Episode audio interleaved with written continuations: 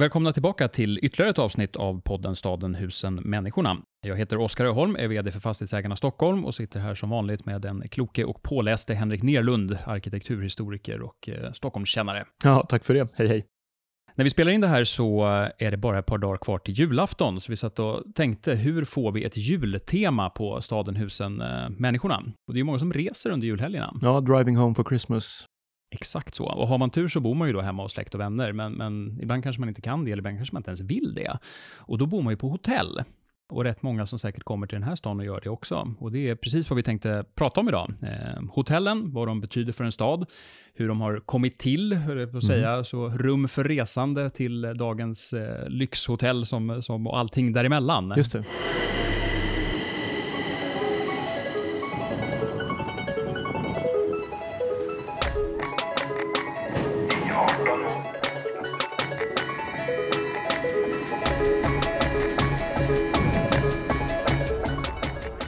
Innan vi börjar dagens samtal så eh, kan man väl också eh, säga någonting om att vi hade en kul kväll på Kulturhuset. Just det, under fontänen. Rakt under fontänen där vi hade live-scen med staden, husen, människorna och pratade citykvarteren. Eh, vad tyckte du om det? Det var jättespännande och vi hade också väldigt spännande gäster som vi kunde pressa lite på pulsen. Stadsarkitekten och fastighetsägarna och många andra som är delar utav det nya framväxande city. Jag tycker också det var väldigt roligt eh, när vi var där, för att det var en väldigt blandad publik där vi fick dit både de som alltid kommer och är så här fastighetsmänniskor och lyssnar på vad som händer i fastighetsbranschen.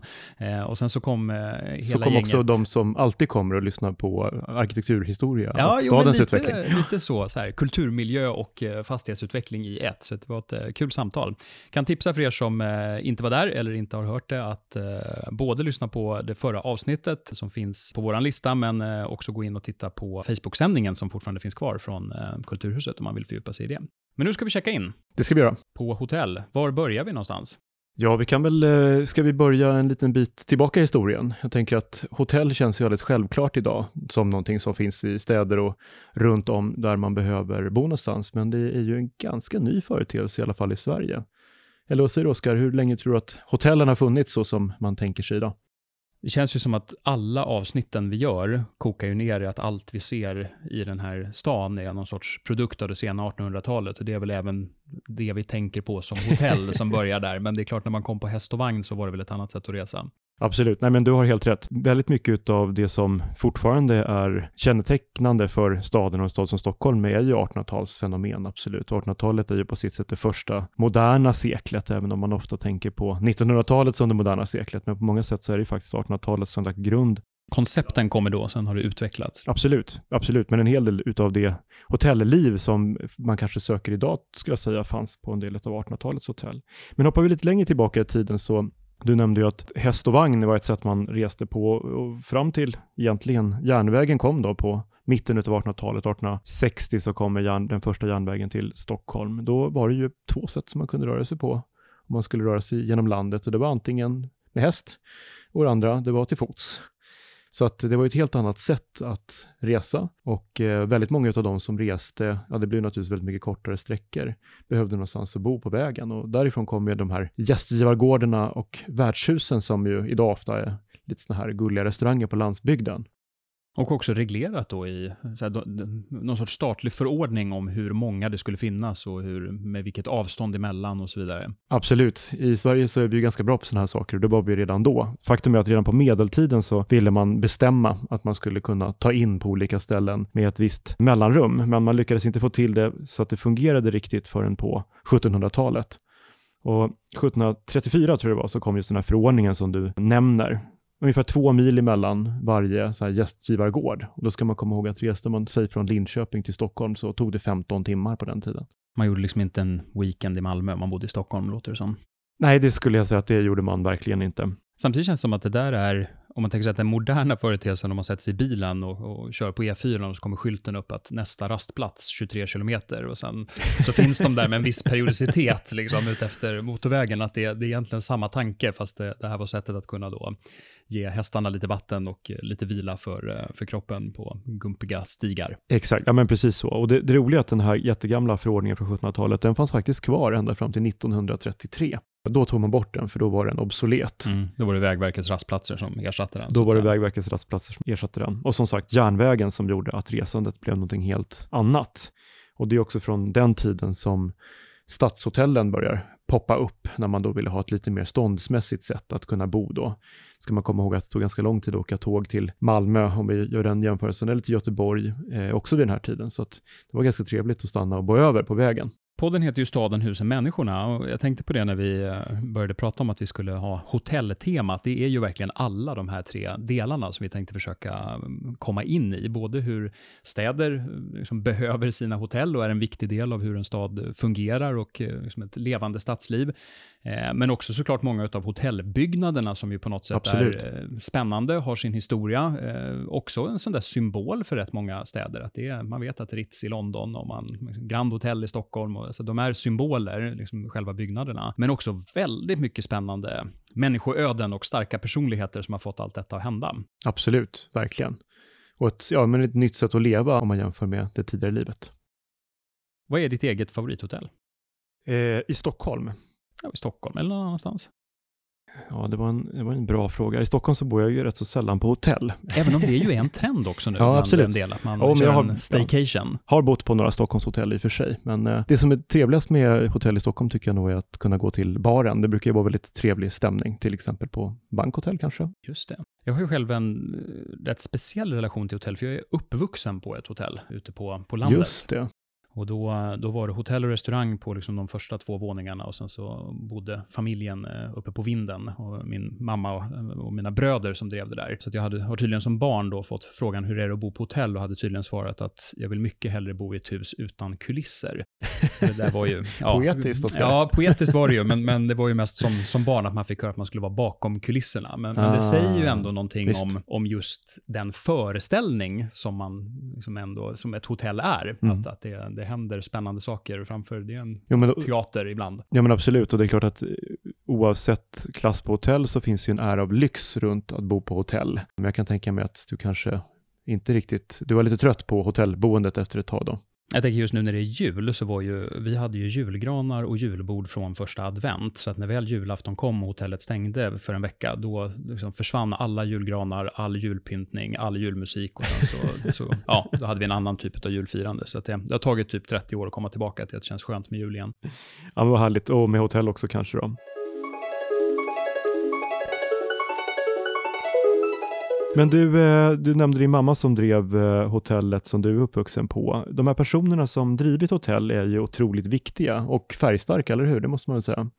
Ja, och ska man gå in i eh, just Stockholmshotellen så känns det väl nästan omöjligt att inte börja med Abraham Rydberg, eller vad säger du? Ja, men absolut, det får man väl säga. Eh, Rydberg som ju själv inte drev något hotell, men eh, han gjorde ju en, eh, en stor donation av medel helt enkelt till, till eh, så att man kunde köpa in en tomt vid Gustav Adolfs torg för att kunna anlägga ett hotell. Eller var det ett hotell man skulle bygga egentligen? Där de tvistade lärde. Vad säger du, Oskar?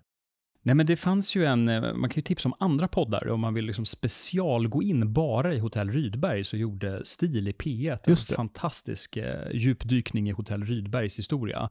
Och om jag uppfattade det rätt där, så var donationen som, som Rydberg gav, det var för ett hotell du vill. Det vill säga då kanske snarare till ett stadshus, men man hade kanske tolkat det där som att det var ett, ja, det var det var ett stadshotell. Stadshotell, ja. Eh, och därifrån kom det. Och jag, jag funderade rätt mycket på det där att när vi tänker på begreppet stadshotell, det känns som en ganska svensk företeelse, mm. själva ordet, att man går på stadt. Ja, och det, det, är nästan som ett hotell du vill, för det är så här, det ligger mitt i stan, det är en samlingspunkt, det är liksom på något sätt arenan för hela liksom, publika, kanske inte publika debatten, men, men för Visst. navet för nöjeslivet om inte annat. Absolut, och ingen stad i Sverige med självaktning har ju råd att inte ha ett stadshotell, Nej, utan det finns ju överallt. Verkligen. Men Hotell Rydberg då, varför, eh, varför är detta liksom själva ursymbolen för eh, liksom, den nya tidens hotell i Stockholm? Vad är det som gör det här unikt? Ja, det intressanta med Hotell Rydberg var ju att det var ju det första stora hotellet i Stockholm utav ett eh, vad ska man säga, kontinentalt eller internationellt snitt dit människor ja, inte bara gick för att bo utan eh, det var ju stora matsalar och salonger som ju var en viktig del, precis som du nämnde när det gäller stadshotellen, i eh, sällskapslivet i det borgerliga Stockholm under slutet av 1800-talet.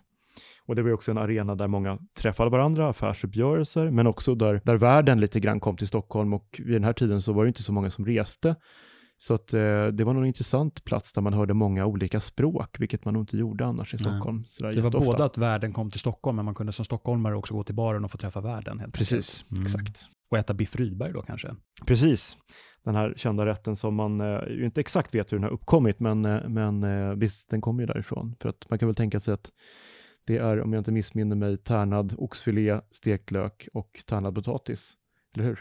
Ja, det är väldigt gott, även om Ja, man är helt klubb, rå- klubbad efteråt. Just det, och en rå äggula. Man kan tänka sig att det behövs drickas ganska mycket öl och snaps för att få ner den där. Det kanske är som dagens salta jordnötter och sånt där som gör att man måste dricka ännu mer så att den som äger restaurangen blir glad när han räknar Mm. kvällskassan.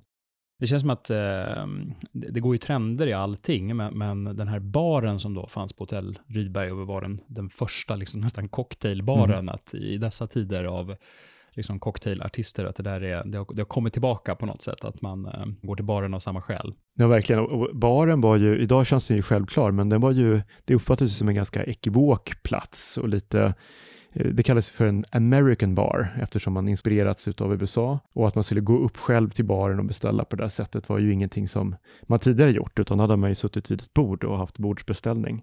Men det blev ju en riktig hit på Hotell Rydberg. Men det är egentligen inte Abraham Rydberg som är den personen som, som gjorde hotellet riktigt känt, eller hur? Utan det är en fransman som kom till Stockholm. Ja, men just det. Då tänker du på eh, regi, eh, vad heter Cadier. han? Cadier, precis. Exakt. Som drev hotellet alltså. Som drev hotellet. Han kom till Stockholm 1852 och eh, han eh, tog över hotell Rydberg eh, 1859 och då hade hotellet bara funnits en ganska kort tid, så att det är egentligen han som inleder den här storhetstiden för hotellet. Och det roliga med honom är ju då hur, hur sjutton hamnar en fransman i Stockholm, som ju på den tiden var lite världens ände. Jo, han hade tagit sig via en av de största metropolerna som fanns i världen, nämligen Sankt Petersburg, det kejserliga hovets stora huvudstad, som ju låg ganska nära Stockholm. Det har man svårt att tänka sig idag, kanske. Ja, trenderna kommer på, på lite andra sätt. Ska man bara för att, om, så folk är med här, alltså, nu finns ju inte hotellet kvar, men var exakt låg det? Ja, men det låg vid Gustav Adolfs torg och det låg alltså på den norra sidan av Gustav Adolfs torg, där eh, försvarsdepartementet sitter idag. Och där, Mitt emellan, så att säga, utrikesdepartementet och operan kan man säga då. Exakt, Mm. där dansmuseet fanns Mm. tidigare, men, men man finns inte kvar i de lokalerna. Vad byggdes det då som, man uppförde liksom hotell, det byggt som hotell helt enkelt när man gjorde det här?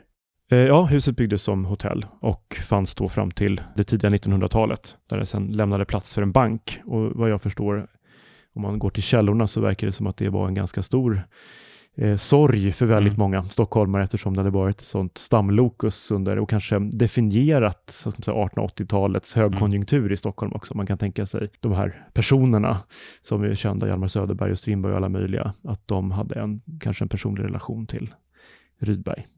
Det där är också, apropå hur historien går igen, att vi, vi är ju fast på något sätt i en, i en diskussion att så här, vi lever i en tid när det blir så mycket liv när man vill riva eller bygga eller så här, det finns ett sånt stort folkligt engagemang kring, kring byggnader i stan. Men det, det, det känns ju som att det är ju verkligen inte en ny företeelse om man tänker på då protesterna när det där skulle rivas Absolut. eller protesterna när, när operahuset skulle byggas. Att det, det verkar vara en ganska allmän mänsklig eh, reaktion.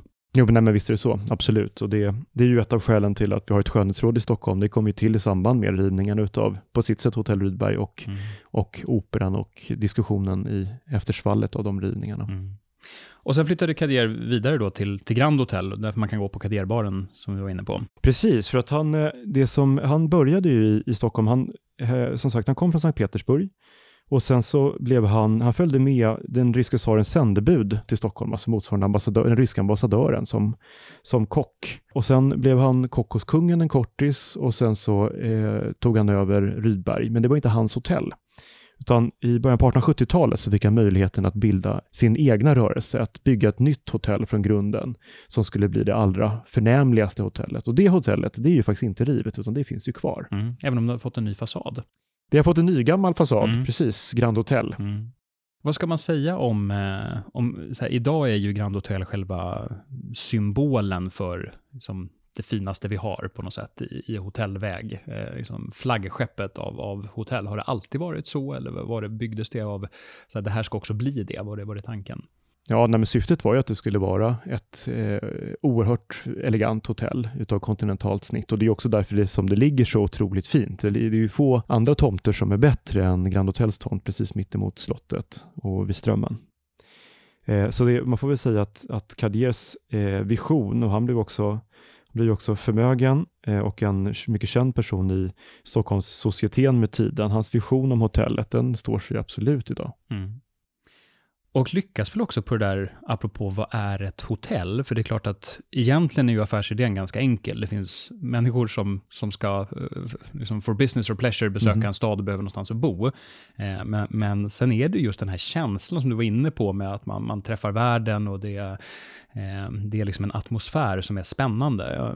på vägen hit så pratade jag med någon som, som, när jag sa att jag skulle spela in den här eh, podden, som sa att ja, men vi brukar alltid boka in oss för att äta julbord på Grand Hotel, bara precis runt Nobelfesten, mm. för att liksom kunna titta lite på alla som kommer och går. Och kanske inte egentligen, det är inte så att man känner igen alla Nobelpristagarna, men man kan liksom se att det där är liksom viktiga människor. Man, man får, liksom vara med och komma lite nära. en liten del av det hela. Mm. Ja, men visst, nej, men så, så är det ju absolut. Och det är klart att Grand Hotel som sagt som funnits sedan 1870-talet har ju varit med om en mängd olika ja, Nobelpristagare, men mycket annat också. Det var ju sätet också för flera krigskorrespondenter under andra världskriget eh, och så vidare. Så det, det, det, är ju ett hotell som har sett väldigt mycket olika människor mm. och naturligtvis världsartister och politiker och andra som har bott där genom årens lopp. Eller i mitt fall, min, mitt första möte med Grand Hotel var ju när jag tittade på Guldfeber med Jönssonligan. Då får man ju också vara med där en stund. Just det, det får man, det är ju riktigt.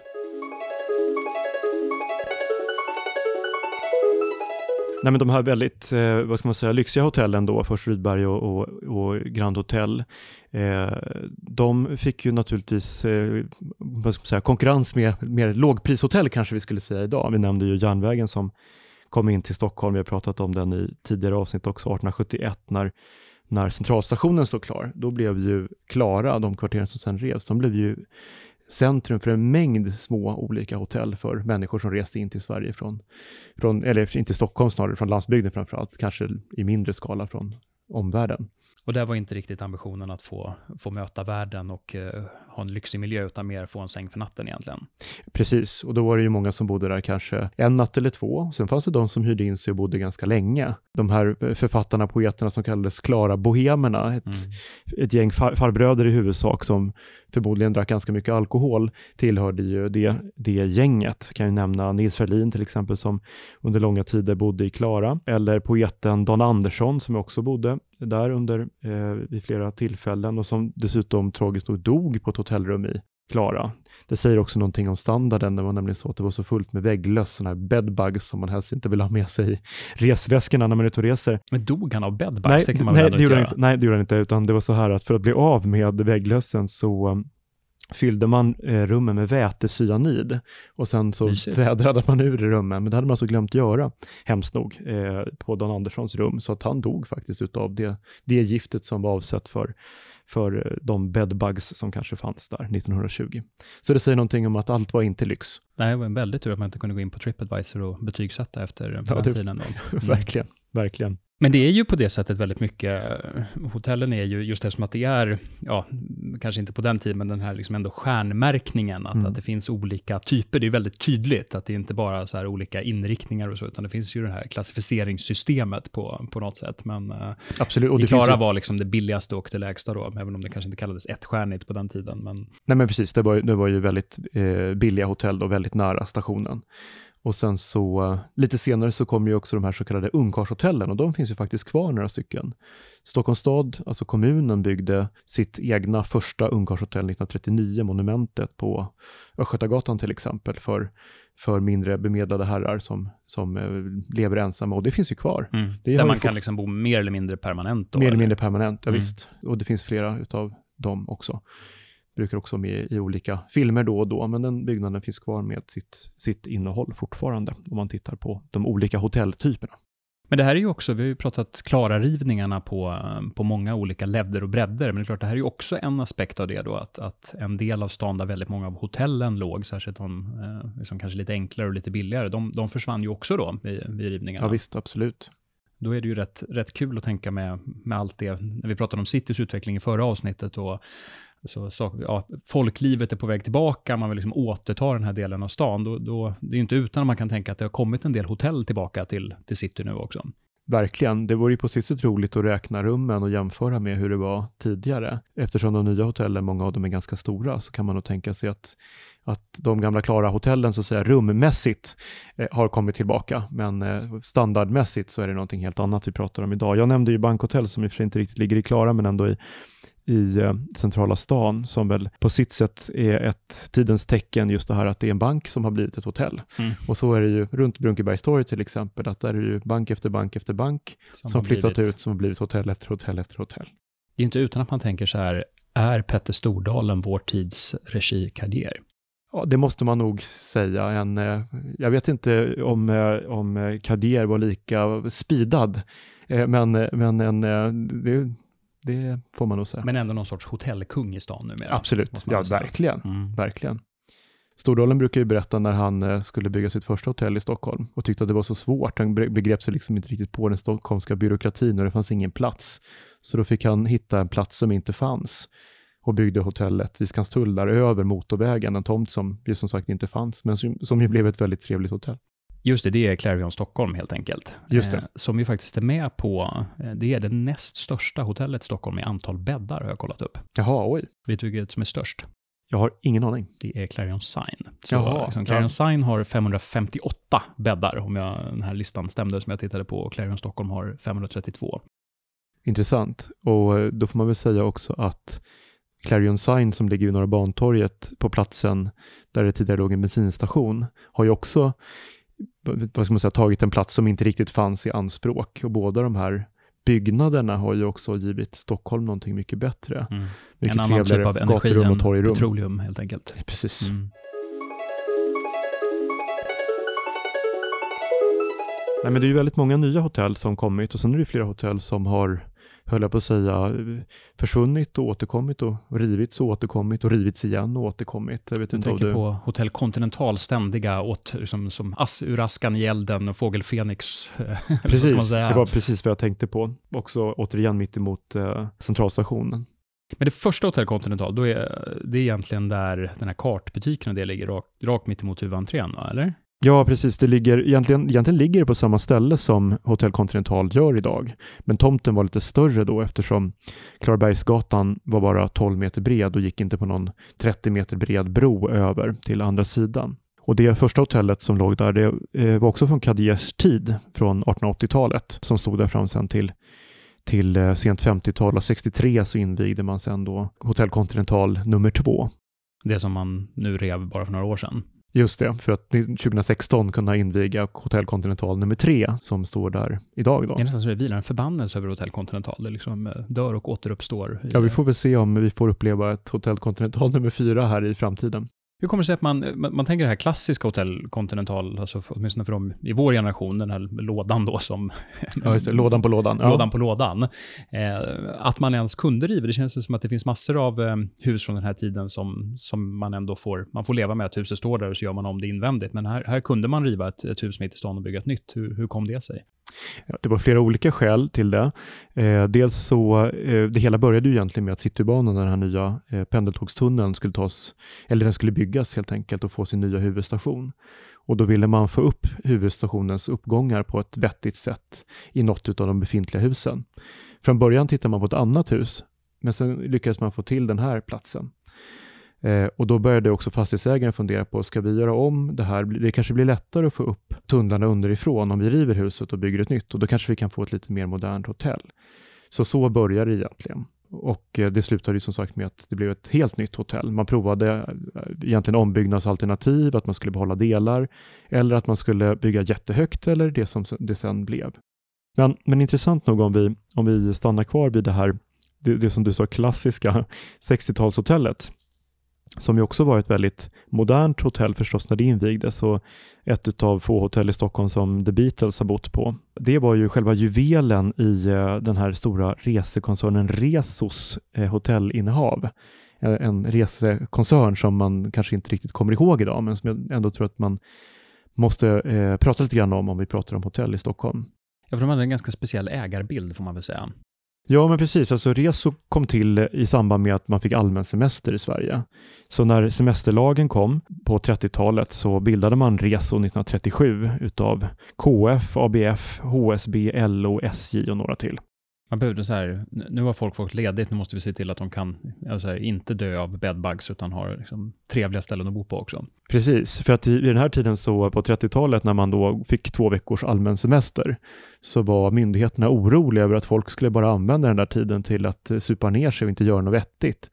Så därför så försökte man komma på olika sätt som man kunde använda sin semester på ett nyttigt vis. Och naturligtvis skulle man kunna bo bra till en överkomlig slant och då bildades då det här RESO det är egentligen som vanligt då i Sverige, att oavsett om vi pratar socialpolitik eller stadsbyggnadspolitik eller alkohol, vad det än är, så handlar det om att, att man inte ska supa ner sig, utan liksom göra något annat istället. Exakt, på något sätt så, så är det, ligger det alltid kvar där i, i botten.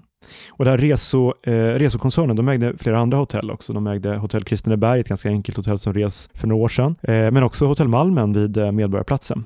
Och eh, pratar vi om Reso så behöver vi prata lite om Sara-bolagen också. Ja, just det, statliga hotell. Just det. Statliga hotell och restauranger. Saras massa var Svenska Allmänna Restaurangaktiebolaget. Mm. En eh, restaurangkedja som grundades av Systembolaget från början.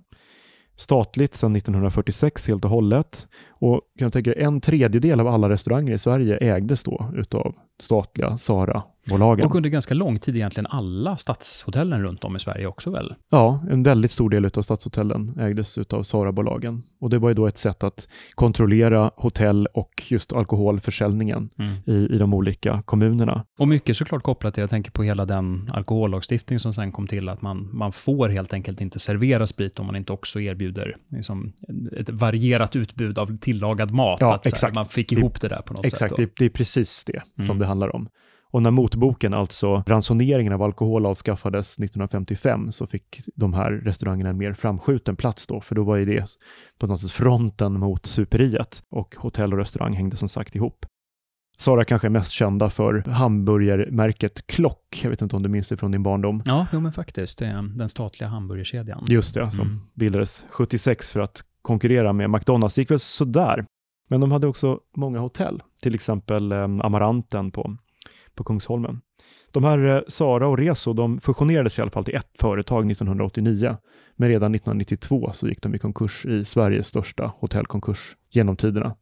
Idag är det ju ganska svårt att föreställa sig en kedja av statligt ägda hotell. Det känns som att det, tidsandan är inte riktigt sån längre. Men, men det, det jag funderar på, det är ju att hotellen tänker vi oss som så här, ja men det här har funnits liksom i alla tider, oavsett om det var gäst, gästgivargårdar ja. från början eller, eller till liksom downtown camper by Scandic idag, som jag för övrigt såg kallades för en, en, ur, vad var det, en urban upptäcktsplats eller något sånt där. Så det, men, men, det, ja, men det är tidens ja, eh, tecken. Ja, men det jag funderar på är så här att hotellen blir också som de drivs, en speglar hur samhället såg ut. Absolut. Det är klart att om man tänker liksom, Klara-kvarteren, det, det, är ganska skitigt, det är, liksom, är fattigt och så här, ja, då är hotellen, där dör man av bedbugs på något sätt. Ja. Och sen kommer hela det här liksom, borgerligheten i slutet på 1800-talet som vill visa upp den nya rikedomen och då är Absolut. det Cadier och, och det är eh, liksom, hotell Rydberg och allt detta.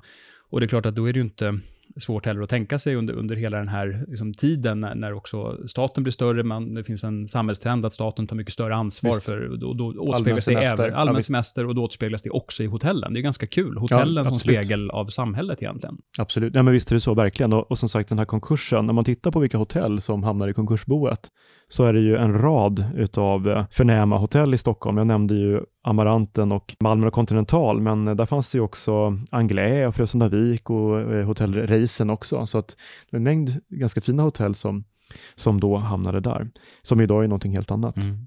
Om man tänker det just så här att hotellen som en spegelbild av samhällsutvecklingen, då kan man ju också tänka hotell som spegelbild av, av liksom stadsutveckling eller så här stadsbyggnadsprinciper. Tänker, nu har vi sagt hotell, om man säger motell istället.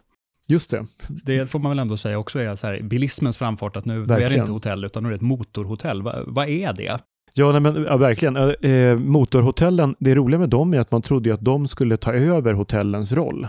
För att det, folk skulle ju inte åka in till stadskärnorna, har de där att göra när man kunde... En stor fin motorväg där man kan liksom vara ja, på visst. istället. och så kunde mm. man bo och svänga av och så bor man direkt på motellet bredvid motorvägen och sen åker man vidare. Dessutom var det ju ofta så här, Det, förstås fanns det ju sådana här regleringar i bakgrunden här också. Vi pratade ju om, om reglementet för alkohol och sådär. Då kunde det vara så att i en stad, på stadshotellet, så hade man ganska hårda regler. Men i, i grannkommunen, på den här tiden, om vi hoppar tillbaka före 1971, så fanns det mycket mer kommuner. Från före 52, ännu fler, fanns det mm. flera tusen kommuner. Då kunde, man, man ju bygga, regler, då kunde man ju bygga motellet i en grannkommun som hade lite liberalare utskänkningsregler. Mm. och därmed dra nytta utav eh, det här upptagningsområdet av städer runt omkring. Så motellen blev ju på så sätt ett sätt när folk hade bil. Att dra ut folk dit också. Att men, dra ut folk mm. dit, absolut. Man åkte till Gyllene Ratten och käkade middag helt enkelt. Eller? Det gjorde man ju definitivt. Mm. Även om Gyllene Ratten inte låg i någon, någon eh, eh, säga, liberal grannkommun. Men man känner ju igen så. det här som, jag är ju alldeles för ung för att naturligtvis uh, ha varit där, men, men, man känner ändå igen begreppet Gyllene ratten. Ska bara säga någonting om vad det var för ställe. Ja, men absolut. Nej, men jag tänkte precis bara nämna det när du sa så här att man åkte ut och åt middag, för det gjorde man ju verkligen. Mm. Vi pratade tidigare, tidigare om en American bar som man hade på Rydberg. återigen är det ju influenser från USA, motellen kommer ju därifrån och där kommer också amerikansk liksom, matlagning med liksom, grillat kött och pommes frites och bearnaisesås i stora mängder och sådär. Mm. Som var eh, det som folk ville äta på 50-talet och som man ville, ville ha på Gyllene ratten som invigdes 57. Idag så är ju all, alltihopa jämnat med marken och det är nya bostäder som står där, mm. apropå samhällsutvecklingen. Men, eh, men då var det ju det, kanske en av de häftigaste restaurangerna och hotellen som man kunde tänka sig i Stockholm. Och en av de här stora liksom, kedjorna av motell, det var det som sen blev Scandic, eller hur? Så att det liksom cirkeln slut, det är samma Exakt. Liksom, ägarbild någonstans. Absolut. Eftersom man eh, ganska tidigt började bygga ut vägnätet i Sverige och en av eh, de mackar som fanns, Esso, eh, grundade en kedja, Esso Motorhotell, med det första i Laxå, som jag tror finns kvar med någon, i någon form av skepnad. Mm, jag tror att det är en Burger King-restaurang där. Okej. Okay. Eh, och det blev en ganska stor kedja, de här Esso Motorhotell. Nalles i Arboga och allt vad det, allt vad det var. Men eh, det är inte så många som tycker det är så mysigt att bo invid en motorväg längre. Så de, de köptes sen utav Scandic och apropå att cirkeln är sluten, nu har ju Scandic blivit Hilton på en del ställen, så att, vad ska man säga, de här lite halvschabbiga mm. motellen har ju verkligen på något sätt blivit det fin-fin-hotellet. Där kan man väl också säga att där, där, har väl det har blivit en större spridning, alltså under, under väldigt lång tid, apropå att, att hotellen är en spegling av, av sin tid. Eh, den här väldigt tydliga graderingen utav ettstjärnigt, tvåstjärnigt, tre, fyra, fem. Det sägs ju att den eh, svenska och nordiska hotellmarknaden har varit liksom lite annorlunda, för att det har, mm. det har inte funnits så jättemånga superlyxhotell, men heller inte de här renodlat superbilliga hotellen, utan det har varit middle of the road på något sätt. Och då är det väl säkert ingen slump att Scandic har varit så dominerande som just har, kanske har varit det här. Ja, men bra, trevligt hotell, men varken superlyx eller superbilligt. Ja, nej men visst, ja, men verkligen. Och det är ju, det är ju jätteintressant att, att det är så. Och som sagt, det hänger ju garanterat samman med det vi pratade om, semesterlagstiftning och hur man tänkte med resandet i Stockholm idag så byggs det ju väldigt mycket nya hotell. Det har byggts mycket nya hotell. Eh, och jag vet inte, jag vet att du har lite siffror på det, men, men man får ju en uppfattning om, apropå stjärnor, att det byggs väldigt mycket fyra och kanske till och med femstjärniga hotell men kanske inte så mycket två och tre. Mm. Enstjärniga hotell vet jag inte ens om det finns nej, längre. Nej, nej, hur, vad är din bild utav det och finns det ett behov av de här lite enklare hotellen också när vi ser hur resandeutvecklingen ser ut? Man kan ju fundera på vad, vad trenderna kommer ifrån. Du nämnde det här med liksom, lyxlivet vid hovet i Sankt Petersburg och det, det gav inspiration från början och sen var det liksom den amerikanska kulturen. Det, det. Jag tänker på det här nu när de asiatiska ekonomierna är det som kanske är inspiration för, eh, för många och de här att eh, man kan hyra in sig. Jag tänker på den japanska varianten att du köper ett litet hål i väggen där man ligger i en tub i princip. Vi får se om vi kommer till, till sådana trender också. Men, men det intressanta är ju att det är en väldigt tillväxt får man ju säga på hotell. Jag kollade upp i eh, eh Stockholm Business Region har ju en sån här hotellrapport som mm. de ger ut varje år. Den är ganska kul.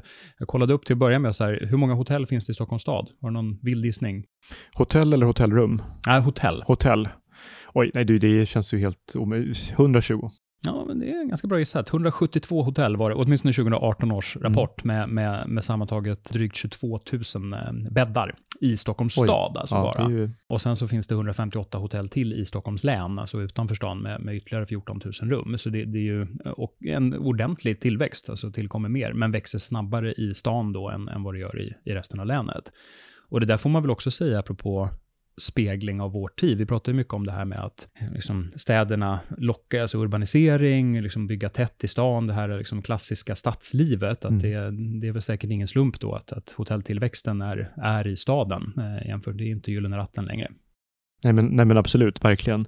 Och, men det är otroligt intressant att se. De där siffrorna, kan man se någonting hur, hur uh, Airbnb eller andra sådana här delnings lägenhetsdelningstjänster, hur många bäddar eh, som de har i Stockholm. Men jag tror, jag minns rätt, att det var alltså antalet gästnätter, alltså 4% var Airbnb. Eh, sen var det en kraftig tillväxt på det. Sen ska man ju komma ihåg att där, där skiljer också Stockholm ut sig eftersom vi har ju väldigt mycket, eh, väldigt mycket bostadsrätter som man ju faktiskt inte får bestämma över själv om man vill hyra ut eller inte. I, I väldigt många andra, eller de flesta andra länder och städer så om man äger lägenheten så äger man den ju själv, inte i en förening. Och då, då kan du ju bestämma att ja, men jag vill hyra ut den här för Airbnb. Eh, i, I Stockholm och i, i, Sverige så är det ju faktiskt till syvende och sist så att du måste ha bostadsrättsföreningens tillstånd för att få hyra ut. Så det där begränsar väl säkert lite grann Airbnb-marknaden, även om en del bostadsrättsföreningar har väl eh, också sagt okej. Okay, men det, det gör kanske att det är lite annorlunda i Stockholm än i andra länder. Det är ju intressant om man gör en vad ska man säga, internationell utblick, för att i vissa städer som är väldigt populära turistdestinationer destinationer så har ju också eh, det börjat protesteras en del mot Airbnb till exempel eller liknande sajter eftersom man anser att vanliga boende inte har möjlighet att bo i sin stad längre mm. utan att, och att husen då bara blir uthyrningsrum, mm. till exempel Venedig eller Barcelona är de tydligaste exemplen. Men, men eh, du menar att det finns ingenting sånt i Stockholm än så länge och det kanske inte blir så heller beroende på den här bostadsrättsformen som vi har. Ja, bostadsrättsformen kommer säkert stoppa en del. Sen, och jag tror också att det där, en del kan säkert eh, hamna i problem därför att man inte känner till det, det vill säga att, eh, att man, man struntar i det och eh, kan ju då, ja, om, om man inte rättar sig kan man ju dessutom bli av med sin bostadsrätt om man hyr ut ja, visst, absolut. Så så är det väl, men, men det verkar ju som att båda trenderna kan uppenbarligen finnas samtidigt med tanke på vilken tillväxt det är på hotell. Sen finns det ju en annan aspekt också som är rätt spännande och det är ju vi gör ju från fastighetsägarnas sida någonting vi kallar för cityindex, där man mäter den kommersiella aktiviteten i, i stadskärnorna mm. runt om i Sverige. Och där finns ju hela den här diskussionen om, om handelns eh, omvandling på något sätt, att det är, det är väldigt mycket, man beställer mer grejer på nätet och det, det som växer i bottenvåningarna är sånt som inte går att göra på nätet. Man liksom går och käkar eller man går och klipper sig eller man liksom upplevelsebaserat på ett annat sätt. Men det intressanta är att hotellen går det ju alltså, ordentligt, ordentlig tillväxt i eh, och fortsätter att vara liksom stora dragare till, eh, till städerna och till liksom bottenvåningslivet, om man så säger. Och det där är ju, det är ju en intressant, det måste man väl ändå kalla någon sorts eh, skifte i, att eh, hotellen blir på det sättet också, inte bara för att locka dit de där som kommer till stan och behöver någonstans att bo, utan blir också ett sätt att locka dit stadens egna invånare. Och det är ju en jätteintressant utveckling. Vi pratade innan om Brunkebergstorg till exempel, som haft stora banker med väldigt sluten inåtriktad verksamhet. Och det är klart att när de istället blir hotell så blir det en helt annan ett helt annat liv, samtidigt som hotellrum blir en annan sak än, än vanliga bostäder. I city har det ibland varit en konflikt mellan vanliga bostäder och andra sådana här cityverksamheter som konserter eller att man har saker som låter väldigt mycket och så, där hotell inte har samma regler. Så att eh, hotellen skapar ju liv utan att mm. eh, stoppa till exempel konsertverksamhet på, på mm. Kulturhuset som ju det har varit en diskussion om mm. tidigare. Det är en massa andra samhällstrender som man också ser i hotellen eh, idag på något sätt med Ja, men dels det där att, att de blir en del av bottenvåningslivet och de drar dit folk. Eh, om jag förstod det rätt så är det väl också så att det som möjligtvis är skillnaden nu, att hotellen omsätter större del av sin omsättning är i restaurangen eh, jämfört med hotellrummen om man, om man jämför med hur det var tidigare. Och det, det är väl ett tecken på det där. En annan sån där trend är väl också att man kan göra en del shopping i hotellrummet. Jag bodde på ett hotell i Göteborg för en tid sedan där, där man på hotellrummet så, så stod det skor och det hängde skjortor och kavajer Jaha. och saker i garderoben. Och precis som man eh, plockar en Cola Light ur minibaren så kunde man liksom testa kavajen och sen eh, sätta upp den på rummet och köpa den. Eh, det, så det, det glider ihop de olika, olika liksom, sätten att eh, konsumera i stan uppenbarligen. Intressant. Det är ju ett sätt som den verkliga världen möter liksom nätet. Mm, exakt, verkligen så. Jag tänkte på det Oskar, vi pratade ju lite tidigare om Klara Bohemerna och deras hotell som försvann och nu är, har vi pratat en stund om de nya hotellen i Klara och det i city egentligen då, då och det bottenvåningsliv och allt som händer där. Jag tänker med nya coworking platser och allt vad de nya hotellen erbjuder. Vilka är de nya Klara-bohemerna? Ja, du tänker så här om, om Petter Stordalen är, är vår tids eh, Kadjer, vilka är då vår tids Klara Bohemer? Det, den jämförelsen. Exakt. Liksom. Ja, man kan ju, om man tänker så här, och det har jag också förstått att många hotell numera tycker är helt okej. Man vill att det ska vara liv i lobbyn. Det ska hända saker där. Eh, och det är, så, så här, det är okej att gå in och köpa en, eh, en, eh, en kopp kaffe och sen slå upp datorn och sitta och jobba. Så det, det kanske är liksom de här liksom influencers-typerna som eh, slår upp datorn och sitter och jobbar en stund i, uh, i lobbyn på Downtown Camper. Det kanske är de nya Klara Bohemerna. Det, det, det, skulle jag mycket väl kunna tänka mig. Och det är väl, jag kan tänka mig att många influencers också gärna då söker upp en miljö som man tycker är, är schysst och passar det budskap man vill sända. Det finns ju en mängd boutiquehotell, jag tänker på ett hem till exempel, är ju en miljö som återkommer väldigt ofta i folks Instagramflöden. Så att någon slags, jag vet inte hur bohemiskt det är, men eh, någon slags nutida eh, hotellposerande i alla fall. Men det där är också ganska spännande, för man tänker så här att man brukar ibland säga det att i, i vår tid så betyder avstånden mindre än någonsin, för det är väldigt lätt att liksom transportera sig och det är dessutom lätt att koppla upp sig och göra saker liksom online. Men samtidigt som avstånden betyder mindre så betyder platsen kanske mer än någonsin. Och där, det känns ju som att det är ingen slump att boutiquehotell, det vill säga inte vara en del av en stor kedja, det ser likadant ut överallt, det, det blir kanske ännu viktigare. För att alltså, bo, ja, bo på en stor hotellkedja med hotell och en lobby som ser ungefär likadant mm. ut i Philadelphia som i Stockholm, det är inte så spännande att lägga upp på Instagram, men, men det är klart, går du på, på bankhotell eller på eh, ja, ett hem eller något sånt här verkligt, det blir mer av unika upplevelser, apropå att spegla sin, sin tid och även i hotellen. Ja, men verkligen, visst blir det det. Och eh, vad tror du din kompis som åt julbord på Grand Hotel, var, var, var hen nöjd? Ja, men mycket verkade det som. Sen, sen förstod jag, vill man, äta, eh, vill man äta julbord på Grand Hotel på julafton, då ska man tydligen boka flera år i förväg. Så det, det finns uppenbarligen en... Men det är kanske också hela den här staycation-trenden och att hotellen är, eh, alltså används också av stadens invånare, både i restaurangen, men, men det verkar uppenbarligen finnas de som också tar en liten paus och istället för att åka på weekend till, till någon annan stad, så, så bokar man in sig på ett hotell i sin hemstad. Det är en ganska kul trend egentligen. Ja, men verkligen. Visst är det det. Ska du själv bo på hotell under helgerna här? Eh, nej, det ska jag faktiskt inte göra, men jag ska ut och resa lite grann. Men eh, jag ska bo hemma hos vänner. Du eh, själv då? Hur eh, firar du julen? Nej, men det blir, eh, det blir en stuga i, eh, stuga i fjällen, så att det, det, det är inget hotell, utan jag får rå mig själv. Det är ingen som kommer där med, med brickan och serverar dessvärre. men då får vi önska våra lyssnare en god jul och ett gott nytt år och sen så hoppas vi väl på att ni hittar tillbaka hit under 2020 när vi har förhoppningsvis fler spännande saker att prata om i staden Husen Människorna. Precis. Tack för att ni eh, valde att lyssna ända till slutet idag. Eh, tipsa gärna om eh, idéer eller eh, spaningar eller företeelser i eh, Stockholm som vi borde prata mer om. Och eh, varmt välkomna tillbaka på det nya året.